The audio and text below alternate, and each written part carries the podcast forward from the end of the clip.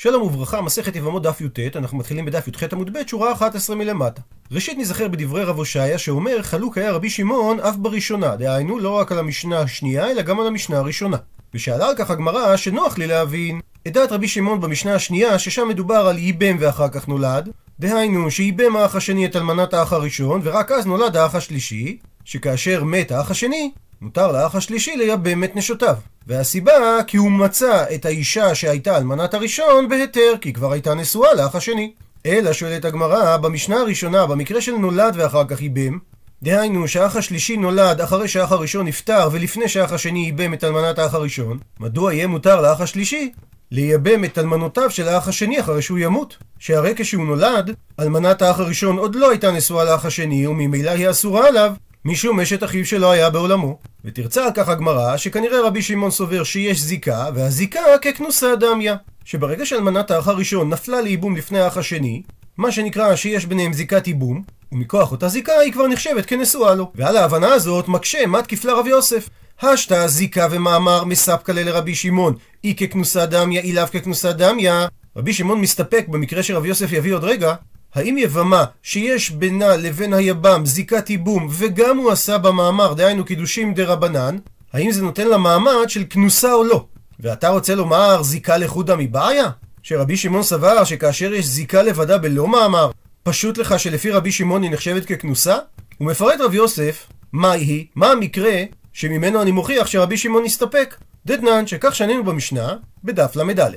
שלושה אחים נשואים שלוש נשים נוכריות, ומת אחד מהם, והסבא השני מאמר ומת, הרי אלו חולצות ולא מתייבמות. שנאמר, ומת אחד מהם, יבמה יבוא עליה. מדייק תנא קמא, מי שעליה זיקת יבם אחד, ולא שעליה זיקת שני יבמים. הוא מסביר רש"י, זיקת יבם אחד, הכוונה שהיא לא נפלה אלא פעם אחת. לייבום או שכנסה שני ופקעה הזיקה הראשונה, ואם כך, כשמת השני, אין כאן אלא זיקת ייבום של השני. אפשרות נוספת, או שהשני לא עשה במאמר ואז הוא מת, ובמקרה כזה אין כאן אלא זיקת ייבום ראשון. אבל במקרה של המשנה, יש כאן זיקת ייבום של שני יבמין שיש עליה, קצת זיקה מן הראשון, שהרי כל זמן שהיא לא נתייבמה, לא פקעה הזיקה שלה מן הראשון, אבל על ידי המאמר של השני, יש לה גם זיקה לשני, ולכן היא לא יכולה להתייבם כי יש עליה זיקת שני יבמין, וגם צרתה אשת השני אסורה בגללה.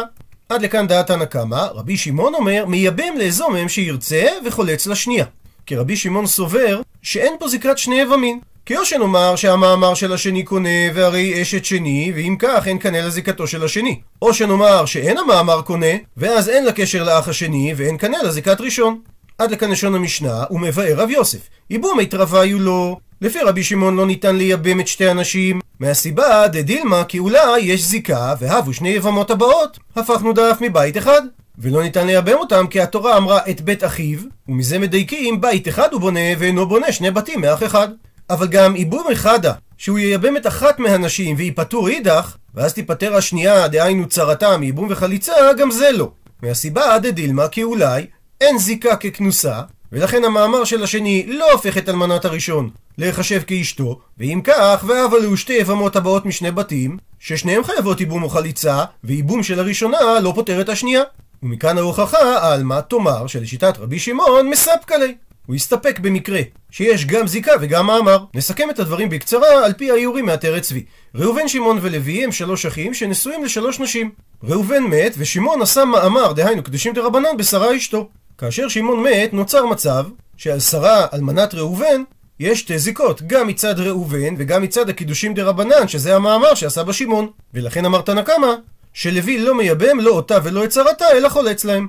רבי שמעון לעומת זה אומר, שלוי יכריעו לייבם איזה מהם שירצה, ולשנייה הוא צריך לחלוץ. שהרי שתי אפשרויות, או שנאמר שהמאמר שעשה שמעון בשרה לא מגדיר אותה ככנוסה אליו, ולכן זיקת הייבום של שרה נובעת רק מזה שהיא אלמנת ראובן, ואם כך, שרה ומרים נופלות לייבום לפני לוי משני אחים. ובמקרה כזה, ייבום של אחת מהם לא פוטר את השנייה מחליצה. אפשרות שנייה, שהמאמר שעשה שמעון בשרה כן מגדיר אותה ככנוסה אליו, ולכן לוי יכול או לייבם או לחלוץ רק לאחת מהן. ובגלל אלו שתי האפשרויות, אמר רבי שמעון, שהאח השלישי מייבם איזה מהם שירצה, ולשנייה הוא צריך לחלוץ. הוא ממשיך רב יוסף, וכי תימה, ואם תרצה לתרץ ולומר באופן הבא, שמדאורייתא הכנה מדביאב מחדה ומפת רחדה. שמדאורייתא הדין היה שהוא צריך לייבם את אחת מהנשים, וכך תיפטר השנייה מייבום וחליצה, כי זיקה מדאורייתא כן מוגדרת ככנוסה, כמו שהסבירה הגמרא בדעת רבי שמעון. ואם כך, ודאי שבמקרה שיש גם זיקה וגם מאמר שהיא נחשבת ככנוסה. והסיבה שהצריך רבי שמעון לחלוץ לשנייה, זה בגלל ומדרבנן הוא דאסור. כי על השנייה קיים איסור דרבנן, מהטעם שזה גזירה שמא יאמרו שתי יבמות הבאות משני בתים, חדא מיאבמה ואידך מפטר בבלא כלום. כי יש חשש שאנשים שיראו את המקרה הזה ישליכו ממנו על מקרה של שתי יבמות הבאות משני בתים בלי שעשו מאמר בראשונה, והם נפלו בבת אחת לפני היבם השלישי, כאשר שני האחים מתו בו זמנית, זה מה שנקרא בצמצום. הרי במצב כזה, לא ניתן לומר שהראשונה הוזקקה לבעל השנייה, ואנשים יכולים לטעות ולומר מתוך השוואה למקרה שלנו, שייבום של אישה אחת יפתור את השנייה בלא ייבום ולא חליצה. אז אומר רב יוסף שלא ניתן לתרץ כך שהרי והתמא דרבי שמעון משום מאמר ולאו מאמר הוא. כי רבי שמעון אמר במפורש שהוא הסתפק האם מאמר קונה את האישה כאשתו של השני, ספק אינו קונה אותה והיא עדיין אשתו של הראשון. דתניא, שכך שנינו בברייתא על המשנה, אמר להם רבי שמעון לחכמים, אם מאמרו של שני אכן מאמר, אז אשת שני הוא בועל, ואם מאמרו של שני אינו מאמר, אז הרי אשת ראשון הוא בועל. עד לכאן לשון הברייתא, והוכיח רבי יוסף שרבי שמעון הסתפק במקרה שיש זיקת ייבום פלוס מאמר, ולכן קשה על הסבר הגמרא בדברי רב הושעיה על רבי שמעון, שזיקה מגדירה את האישה ככנוסה. עונה לו אמר לאביי, ולא שני לך בין זיקת יבם אחד לזיקת שני יבמים? הרי רבי הושעיה דיבר על מקרה שיש רק אח אחד, ואז זיקת היבם היא כולה מופנית אליו. מה שאין כן המשנה והברייתא שמהם הקשת הרב יוסף, ששם דובר שיש שני יבמים. דילמה, כי אולי כי אמר רבי שמעון זיקה ככנוסה דמיה זה ביבם אחד, שהרי הוא האפשרות היחידה לייבום שלה, אבל כאשר מדובר בשני יבמין, לא. כי אין הכרח שדווקא אחד מהם הוא זה שיכנוס אותה, ולכן במקרה כזה, הסתפק רבי שמעון. האם המאמר מחזק את הזיקה עד שנגדיר את זה ככנוסה? מקשה על כך הגמרא, ומי שני לרבי שמעון? האם אכן לרבי שמעון יש הבדל בין זיקת יבם אחד לזיקת שני יבמים? והתניא, והרי שנינו בברייתא, כלל אמר רבי שמעון, כל שהלידה קודמת לנישואין, דהיינו שהלידה של האח השלישי קודמת לנישואים של האח השני לאלמנת הראשון, אז כאשר ימות האח השני, היא לא חולצת ולא מתייבמת. ואם הנישואים היו קודם ללידה של האח השלישי, הרי במקרה כזה, כשימות האח השני, אז היא או חולצת או מתייבמת לאח השלישי. עד לכאן לשון הברייתא ומדייק את הגמרא. מה אליו? האם לא מדובר במשנה גם ביבם אחד בלבד? דהיינו שכשמת האח הראשון לא נשאר בחיים אלא אח אחד בלבד, ורק אחר כך נולד האח השלישי. וקטני, וכתוב על זה שאומר רבי שמעון לא חולצת ולא מתייבמת. אז אם כך, אין הבדל בין זיקת יבם אחד לזיקת שני יבמים. מתרצת הגמרא, לא מדובר ביבם אחד, אלא בשני יבמים. דהיינו שהיו שלושה אחים ומת אחד מהם, והיא נפלה לפני השני האחים האחרים, ונולד להם אח נוסף. במקרה כזה, היא ודאי אסורה עליו, אפילו לאחר שיבוע שני האחים הראשונים והם ימותו, וזה מה שנקרא נולד ולבסוף איבם, שבמצב כזה, הזיקה שהייתה בין האלמנה לבין שני האחים עוד לפני שהוא נולד, היא לא הייתה חזקה כדי להגדיר אותה ככנוסה לאחד מהם. ולכן זה לא מוגדר כמו המקרה של ייבם ולבסוף נולד. שבה אמר רבי שמעון, שכל שהלידה קודמת לנישואים לא חולצת ולא מתייבמת, כי הוא לא דיבר על יבם אחד, אלא על שניים. הוא מקשה הגמרא על ההסבר הזה. אבל ביבם אחד, מהי? מה יהיה הדין לפי דבריך?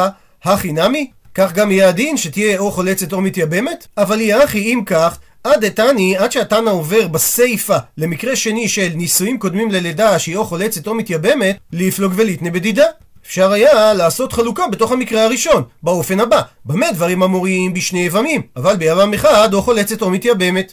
ולכאורה מזה, שהתנא חלק בשני מקרים, ולא עשה חלוקה פנימית בתוך המקרה הראשון בין יבם אחד לשניים, משמע שאין הבדל בין יבם אחד לשניים במקרה הראשון. דוחה הגמרא ואומרת, כולה בשני יבמין קמיירי. יש הבדל בין יבם אחד לשניים, והסיבה שהברייתא הביאה שני מקרים, כי היא מדברת בשני יבמין, והיא רצתה להשמיע לנו את החידוש, שלפעמים יש איסור לייבם ולפעמים יש היתר לייבם.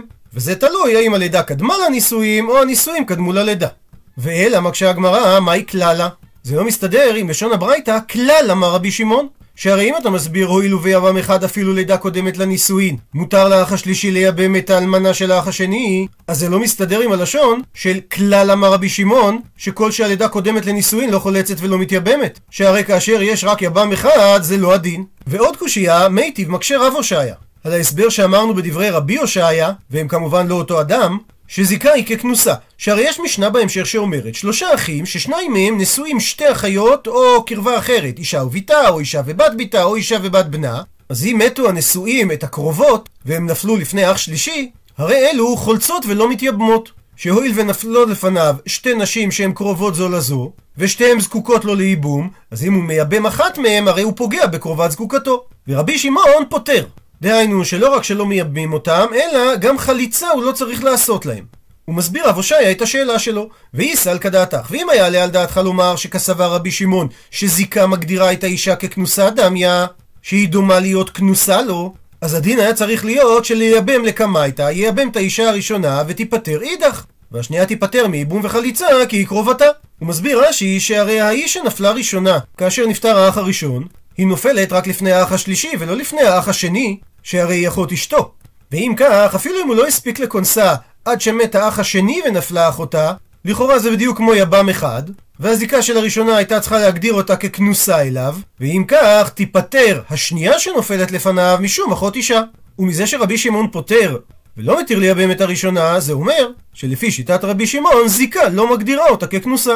מתרץ, אמר רב עמרם, מהי משמעות המילה פוטר שאמר רבי שמעון? נמי פוטר בשנייה. שאת הראשונה הוא מייבם או חולץ, וזה גם פוטר את השנייה מייבום או מחליצה. מקשה על כך הגמרא והתניא, אבל הרי שנינו בברייתא בצורה מפורשת שרבי שמעון פוטר בשתיהן. דהיינו שגם הראשונה פטורה מייבום וחליצה. מתרץ, אמר רבא, שמה שאמרה הברייתא פוטר בשניהן, הכוונה השנייה שבזוג זה והשנייה שבזוג זה. הוא מסביר רש"י, שרבא מסביר באופן הבא: אם היו שלושה אחים ששניים מהם נשואים שתי אחיות וגם ואישה ובתה ומתו שניהם, ואז הנשים נפלו לפני האח השלישי, אז אחת מן הראשונות מתייבמת והשתיים האחרונות פטורות. כי אחת מן הראשונות חשובה ככנוסה אליו והיא מתייבמת, אבל השניות פטורות. אחת משום ערווה לאותה אחת מהראשונות שנפלה, שאותם אנחנו מגדירים ככנוסה, שהרי היא קרובה שלה, ושתי הנשים השניות, אחת יוצאת משום ערווה והשנייה משום צרתה. זאת אומרת שרבא הבין את המשנה באופן הבא. ראובן, שמעון ולוי הם אחים, שראובן התחתן עם רחל ושמעון התחתן עם לאה אחותה.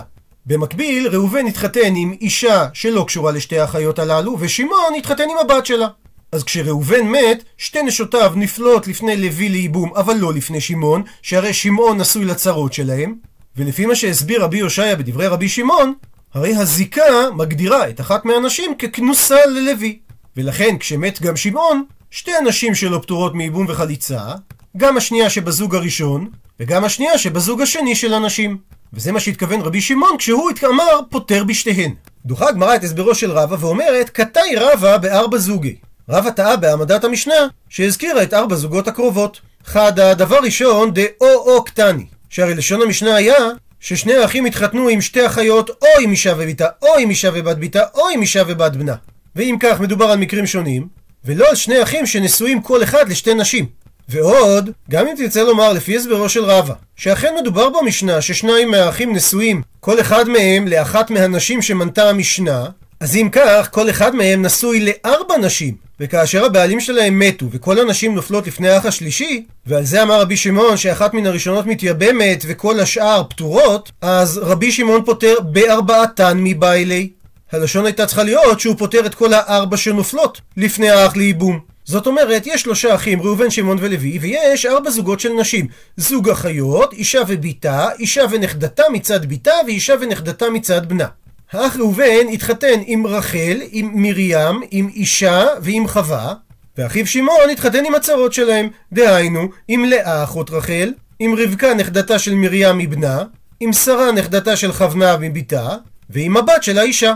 אז כאשר מת ראובן, ארבעת נשותיו נופנות לייבום לפני האח השלישי לוי, אבל לא לפני שמעון, שהרי כל אחת מהם אסורה עליו משום ערווה. ולשיטת רבי יושעיה עליבא דרבי שמעון, שזיקה מגדירה את האישה ככנוסה, אז אחת מהנשים שנפלו לפניו מוגדרת כאשתו. ואם כך, כאשר מת שמעון, היה צריך להגיד רבי שמעון שהוא פוטר את ארבעת נשותיו מייבום או חליצה לפני לוי, ולא כפי שהסביר רבא שפוטר בשתיהם. ועוד קושייה שלישית על דברי רבא, תניא, שהרי שנינו בברייתא שרבי שמעון פוטר בשתיהן מן החליצה ומן הייבום, והוא מנמק את דבריו שנאמר, ואישה אל אחותה לא תיקח לצרו, שבשעה שנעשו צרות זו לזו, לא יהא לך ליכוחין אפילו באחת מהן. וזה סותר את ההסבר של רבא, שאמר שלפי רבי שמעון, אחת מהנשים מתייבמת, ורבי שמעון פטר רק את השניות שבזוגות נשים, אלא מביאה הגמרא תירוץ אחר על שיטתו של רבי הושעיה, שאמר רב אשי, אי דנפול בזה אחר זה הכי נמי. אם אכן אישה אחת נפלה לייבום לפני האח השלישי, לפני האח השנייה, הרי הזיקה לפי רבי שמעון מגדירה אותה ככנוסה, ולכן הוא יכול לייבם אותה אפילו אחרי שהשנייה נפלה לפניו. אבל הכא במאי עסקינן, במשנה שלנו מה מדובר? דנפול בבת אחת, לייבום לפני האח השלישי, ורבי שמעון סבר לה, כרבי יוסי הגלילי דאמר, אפשר לצמצם. הוא מסביר רש"י שיש גמרא מסכת בכורות שאומרת רחל שלא בכרה וילדה שני זכרים ויצאו שני ראשיהם כאחד ויש לנו ספק מי מהם קדוש בקדושת בכור רבי יוסי אומר ששניהם לכהן. וחכמים לעומת זאת אומרים אחד לא ואחד לכהן דאי אפשר לצמצם ולומר ששניהם יצאו בבת אחת. אלא ודאי שאחד מהם יצא ראשון והוא פתר את הרחם, והשני שיצא אחריו הרי הוא חולין. רק שהספק הוא אצל הבעלים שהוא לא יודע איזה מהם יצא ראשון, ולכן שניהם בספק בכורות, אז הוא נותן אחד לכהן, והשני יראה עד שיסתאב, דהיינו שיפול בו מום, ואז הוא לא יהיה קדוש בקדושת בכור, ויאכל במומו לבעל הבית. אז גם במקרה של המשנה שלנו, אנחנו אומרים שסבר רבי שמעון שאפשר לצמצם את מיתת שני האחים בבת אחת, כשיטת רבי יוסי הגלילי, ואם כך, אין לנו מציאות שאחת מהם היא הראשונה שנופלת לפניו, ולכן שתיהן פטורות. כמו הטעם שלמדנו מזה שכתוב בתורה לצרור. ואנחנו חייבים להעמיד שרבי שמעון סובר כרבי יוסי הגלילי, שאם לא כן, הרי ודאי שאחת מהם נפלה ראשונה לייבום, ואז הדין היה ששתי הנשים היו צריכות חליצה, שהרי אנחנו לא יודעים מי מהם נפלה ראשונה. עד לכאן הדיון בהסברו של רבי הושעיה שרבי שמעון חלק גם על המשנה הראשונה ולא רק על המשנה השנייה ורב פפא אמר בייבם ואחר כך נולד פליג רבי שמעון אבל בנולד ואחר כך ייבם לא פליג דהיינו רבי שמעון חולק רק על המשנה השנייה ולא על המשנה הראשונה והרי הקשינו מה החידוש במשנה הראשונה? שהרי פשיטא שכאשר נולד האח השלישי ורק אחר כך איבם האח השני, שאלמנת הראשון פטורה מייבום וחליצה, שהרי זה הדין במשנה השנייה, ושם מדובר אפילו במקרה שהוא קודם איבם ואחר כך נולד האח השלישי שהיא פטורה. על כך אומר רב פאפא, ותרוויו לרבנן איצטריך. שתי המשניות מיועדות כדי ללמד את דעת חכמים, ולא זו אף זו קטני. שלא זו בלבד במקרה שנולד ולבסוף איבם שהיא פטורה, אלא אף במקרה שהוא איבם ולבסוף נולד, נמי פטורה. הוא מביא הגמרא סייעתא לדברי רב פאפא, תניא כבתי ברייתא שאומרת כמו דרב פאפא. וטיובתא, והברייתא הזאת מהווה דחייה לדברי דרבי הושעיה. שכך אומרת הברייתא, שני אחים בעולם אחד, ומת אחד מהם בלא ולד, ועמד השני הזה לעשות מאמר ביבימתו, ולא הספיק לעשות במאמר עד שנולד לו אח ומת, אז הראשונה יוצאה משום אשת אחיו שלא היה בעולמו, ושנייה או חולצת או מתייבמת. אבל אם הוא עשה במאמר ואחר כך נולד האח, או שנולד לו אח ואחר כך עשה במאמר ואז הוא מת, הרי שהראשונה יוצאה משום אשת אחיו שלא היה בעולמו, והשנייה חולצת ולא מתייבמת. שהרי המאמר הוא רק קידושים מדי רבנן, ואין בו מספיק כוח כדי להיחשב כנישואים, שאז היינו אומרים שהשנייה היא צרת ערווה והיא יכולה לצאת בלא כלום. הפכנו דף, רבי שמעון אומר, ביעתה או חליצתה של אחת מהם פותרת צרתה. אבל אם הוא חלץ לבעלת המאמר, לא נפתרה צרה. כלומר, מה שאמר רבי שמעון שביעתה או חליצתה של אחת מהם פותרת צרתה, אז לדוגמה, אם הוא חלץ או איבם את השנייה, אז הראשונה תהיה פתורה, שהרי ממה נפשך? אם אנחנו אומרים שמאמר קונה, אז זה כמו שהוא איבם ולבסוף נולד, שאז אפילו הראשונה מותרת לו לפי שיטת רבי שמעון. ואם כך, בחליצת השנייה הראשונה נפטרת, שהרי מאמר לפי רבי שמעון זה כמו כנוסה, ושתי הנשים נחשבות כבאות מבית אחד. ואם נאמר שמאמר לא קונה, אז הרי הוא יכול לייבם את השנייה כי זה אשת אחיו שהיה בעולמו, והיא לא צרת ערווה, והראשונה תצא משום אשת אחיו שלא היה בעולמו. אבל אם הוא חלץ לבעלת מאמר שהיא הראשונה, הרי בזה לא נפתרה הצרה שלה. כי על צד זה שמאמר לא קונה, היא בכלל לא נחשבת צרתה.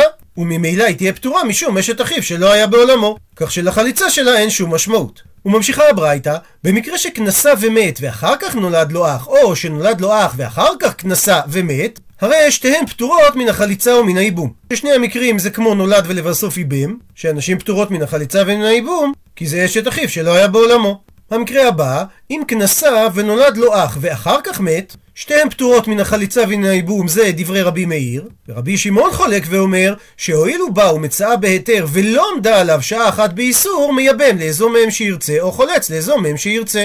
שהרי הואיל ושמעון כנס את שרה אלמנת ראובן לפני שלוי נולד, הרי ששרה לא עמדה על לוי אפילו שעה אחת באיסור. ולכן לוי יכול לייבם או לחלוץ לשרה או למרים. עד לכאן לשון הברייתא, ומדייקת הגמרא. הבבא דסיפא, המקרה האחרון של הברייתא של ייבם ולבסוף נולד, למאן קתני לה. כלומר, כדי להרגיע את כוחו של מי, זה נכתב כמקרה בפני עצמו, ולא ערבה את זה הברייתא עם המקרה של נולד ולבסוף ייבם. אילי מה לרבי מאיר קטני לה, אם נאמר שזה נשנה כדי להודיע את כוחו של רבי מאיר, מיכדי הרי לא שאני לרבי מאיר בין מקרה של איבם ואחר כך נולד, ובין מקרה שנולד ואחר כך איבם, ואם כך, להרבינו ולתנינו. שאם הביתה רצה להשמיע לנו שרבי מאיר אסר גם במקרה של איבם ולבסוף נולד, אז היא הייתה צריכה לערבב את שני המקרים ולשנות ברישה באופן הבא. שאם כנסה ומת ואחר כך נולד לו אח, או שנולד לו אח ואחר כך כנסה ומת, או שכנסה ונולד לו אח ואחר כך מת, שבכל המקרים הללו שתי אנשים פטורות. אלא לאו, אלא שבהכרח צריך לומר, מזה שהברייתא חילקה בין המקרים, שהיא באה להשמיע לנו את החידוש של רבי שמעון, ובאיבם ואחר כך נולד פליג, אבל במקרה של בנולד ואחר כך איבם, לא פליג. שהרי במקרה של איבם ולבסוף נולד, רבי שמעון אומר שבא האח השלישי ומצאה בהיתר. אבל במקרה של הרישא, של נולד ואחר כך איבם, מודה רבי שמעון ששתיהן פטורות. אז שמע מינה הוכחה לשיטת רב פאפא, שרבי שמעון חולק רק על המשנה השנייה, דהיינו באיבם ואחר כך נולד, והוא לא חולק במשנה הראשונה של נולד ואחר כך איבם. וממילא זה דוחה את פירושו של רבי הושעיה בדעת רבי שמעון. והגמרא עכשיו תצטט חלקים מהברייתא ותסביר אותם. אמר מר, עמד השני לעשות מאמר בהבימתו, ולא הספיק לעשות מאמר בהבימתו עד שנולד לו אח ומת. הראשונה יוצא משום אשת אחיו שלא היה בעולמו, והשנייה או חולצת או מתייבמת. עד לכאן הציטוט, ושואלת הגמרא, מהי עמד ומהי לא הספיק? מה אכפת לי מה הכוונה שלו? היא עבד עבד, והיא לא עבד לא עבד. אם הוא עשה מאמר הוא עשה, ואם הוא לא עשה מאמר הוא לא עשה. אז למה נקטה הברייתא שהוא עמד ולא הספיק? אלא, מסבירה הגמרא, עמד מדעתה ולא הספיק מדעתה, אלא בעל כורחה. דהיינו, הוא התכוון לעשות בה דה רבנן מדעתה, דהיינו בהסכמתה, אבל היא כנראה סירבה, והוא קידש אותה מדה רבנן בעל כורחה. ובאה הברייתא להשמיע לנו שמאמר בעל כורחה, אפילו למקצת לא קני. לא נחשב אפילו קידושים במקצת, וממילא הוא יכול לייבם את האישה השנייה. וזה הוא דלא כרבי, דתניא, שהעושה מאמר ביבימתו שלא מדעתה, רבי אומר קנה, וחכמים אומרים לא קנה. הוא מבאר את הגמרא את טעם המחלוקת. מה מהי טעמא דרבי, שאמר שמאמר ביבימתו שלא מדעתה קנה? כי הוא גמר מביאה יבמה. מה ביאה דיבמה בעל כורחה? אף קידושין דיבמה בעל כורחה. שכמו שלמדנו בדף ח' מזה שכתוב ויבמה, שאפילו אם בעל כורחה הוא בא על היבמה, הוא קנה אותה לאישה, אז אומר רבי שבאותו אופן, הוא יכול לקנות אותה לאישה גם מדרבנן. לעומת זאת, ורבנן, שהם אמרו שהעושה מאמר ביבמתו שלא מדעתה לא קנה, כי הם גמרי הם לומדים מקידושין דעלמא. מה קידושין דעלמא מדעתה, אף קידושין דיבמה מדעתה. שהרי אדם שסתם מקדש אישה, כתוב בתורה, והלכה והייתה לאיש אחר. זאת אומרת שהיא חייבת להסכים. וכך גם הדין פה, במאמר שזה קידושין מדרבנן, שזה תלוי בהסכמתה. ושואלת הגמרא, במאי קמיפלגי, מה נקודת המחלוקת? מר סבר מילי דיבמה ממילי דיבמה הוה ליה למילף, ומר סבר מילי דקידושין ממילי דקידושין הוה ליה למילף. רבי סובר שקידושין דרבנן ביבמה לומדים מקידושין בכלל באופן כללי ביבמה, וכמו שייבום בעל כורחה קונה אותה, גם קידושים דרבנן בעל כורחה יקנו אותה. לעומת זאת, וחכמים סוברים, שדיני קידושים זהים בכל המקרים, כך שקידושים דה רבנן של יבמה זהים לקידושים דה רבנן גם בנשים אחרות, ולכן הם לא חלים אם זה בעל כורחה. ומביאה הגמרא ציטוט נוסף מהברייתא, עשה במאמר ואחר כך נולד לו אח, או שנולד לו אח ואחר כך עשה במאמר ומת, ראשונה יוצאה משום אשת אחיו שלא היה בעולמו, ושנייה חולצת ולא מתייבמת. רבי שמעון חולק ואומר שביעתה או חליצתה של אחת מהם פותרת צרתה. עד לכאן הציטוט, ועל כך שואלת הגמרא, רבי שמעון אהה יקאי. על איזה מקרה הוא דיבר? אילימה, אם נאמר, הנולד לו אח ואחר כך עשה במאמר, שעל זה אמר רבי שמעון שביעתה או חליצתה של אחת פותרת צרתה, אבל זה לא מסתדר עם הדה אמרת שבנולד ולבסוף איבם לא פליג רבי שמעון, שהרי אשת הראשון אסורה לאח הנולד משום אשת אחיו שלא היה בעולמו. אלא בהכרח צריך לומר שרבי שמעון חולק על המקרה של העשה במאמר ואחר כך נולד לו אח, שבמקרה כזה ביעתה או חליצתה של אחת מהם פותרת צרתה. הוא מסביר רש"י שמזה שרבי שמעון לא חולק ברישא, זה בגלל כי מאמר יש לנו ספק האם הוא קונה לגמרי, או ספק שהוא בכלל לא קונה. ולכן הדין שהוא מייבם או חולץ לשנייה, שהרי ממה נפשך? אם אנחנו אומרים שהמאמר של המת הוא קניין גמור, אז זה כמו מקרה של ייבם ולבסוף נולד, כך שאפילו האישה הראשונה ראויה לייבום. ואם אנחנו אומרים שמאמר זה לא קניין גמור, אז הרי האישה הראשונה לא קשורה לאח השני שמת, וממילא האישה השנייה מותרת כי היא לא צרת ערווה. ומזה שחלק רבי שמעון רק על המקרה בסיפא, דהיינו שרק בייבם ולבסוף נולד הוא מתיר, שייבום או חליצה של אחת מהנשים פוטרת את צרתה. אבל במקרה שנולד ולבסוף ייבם, היא אסורה. הוא מצטט את הגמרא את המשך דברי רבי שמעון מהברייתא, חלץ לבעלת מאמר לא נפטרה צרה. דהיינו שאם לוי חלץ לשרה ששמעון עשה במאמר, אז מרים אלמנתו של שמעון לא נפטרה בכך. אבל אם הוא ייבם או חלץ למרים אלמנתו של שמעון, אז שרה אלמנתו של ראובן ששמעון עשה במאמר, כן נפטרת בכך מחליצה וייבום. ומסבירה הגמרא, מהי טעמה? מה ההבדל בין שני המקרים? משום דהויא צרה ודאי, ובעלת מאמר ספק. והרי ידענו, ואין ספק מוציא מדי ודאי. דהיינו, הצרה מרים, שהיא אלמנת שמעון, היא ודאי זקוקה לייבום מצד לוי, ולעומת זאת, שרה אלמנת ראובן ששמעון עשה בה מאמר, היא רק בספק אם היא זקוקה לייבום או לחליצה מלוי, אז אין ספק מוציא מדי ודאי. דהיינו, חליצה או ייבום של לוי בשרה, לא יכולה לפטור את מרים, שיש לה זיקה ודאית כלפי לוי. עד לכאן דף י"ט.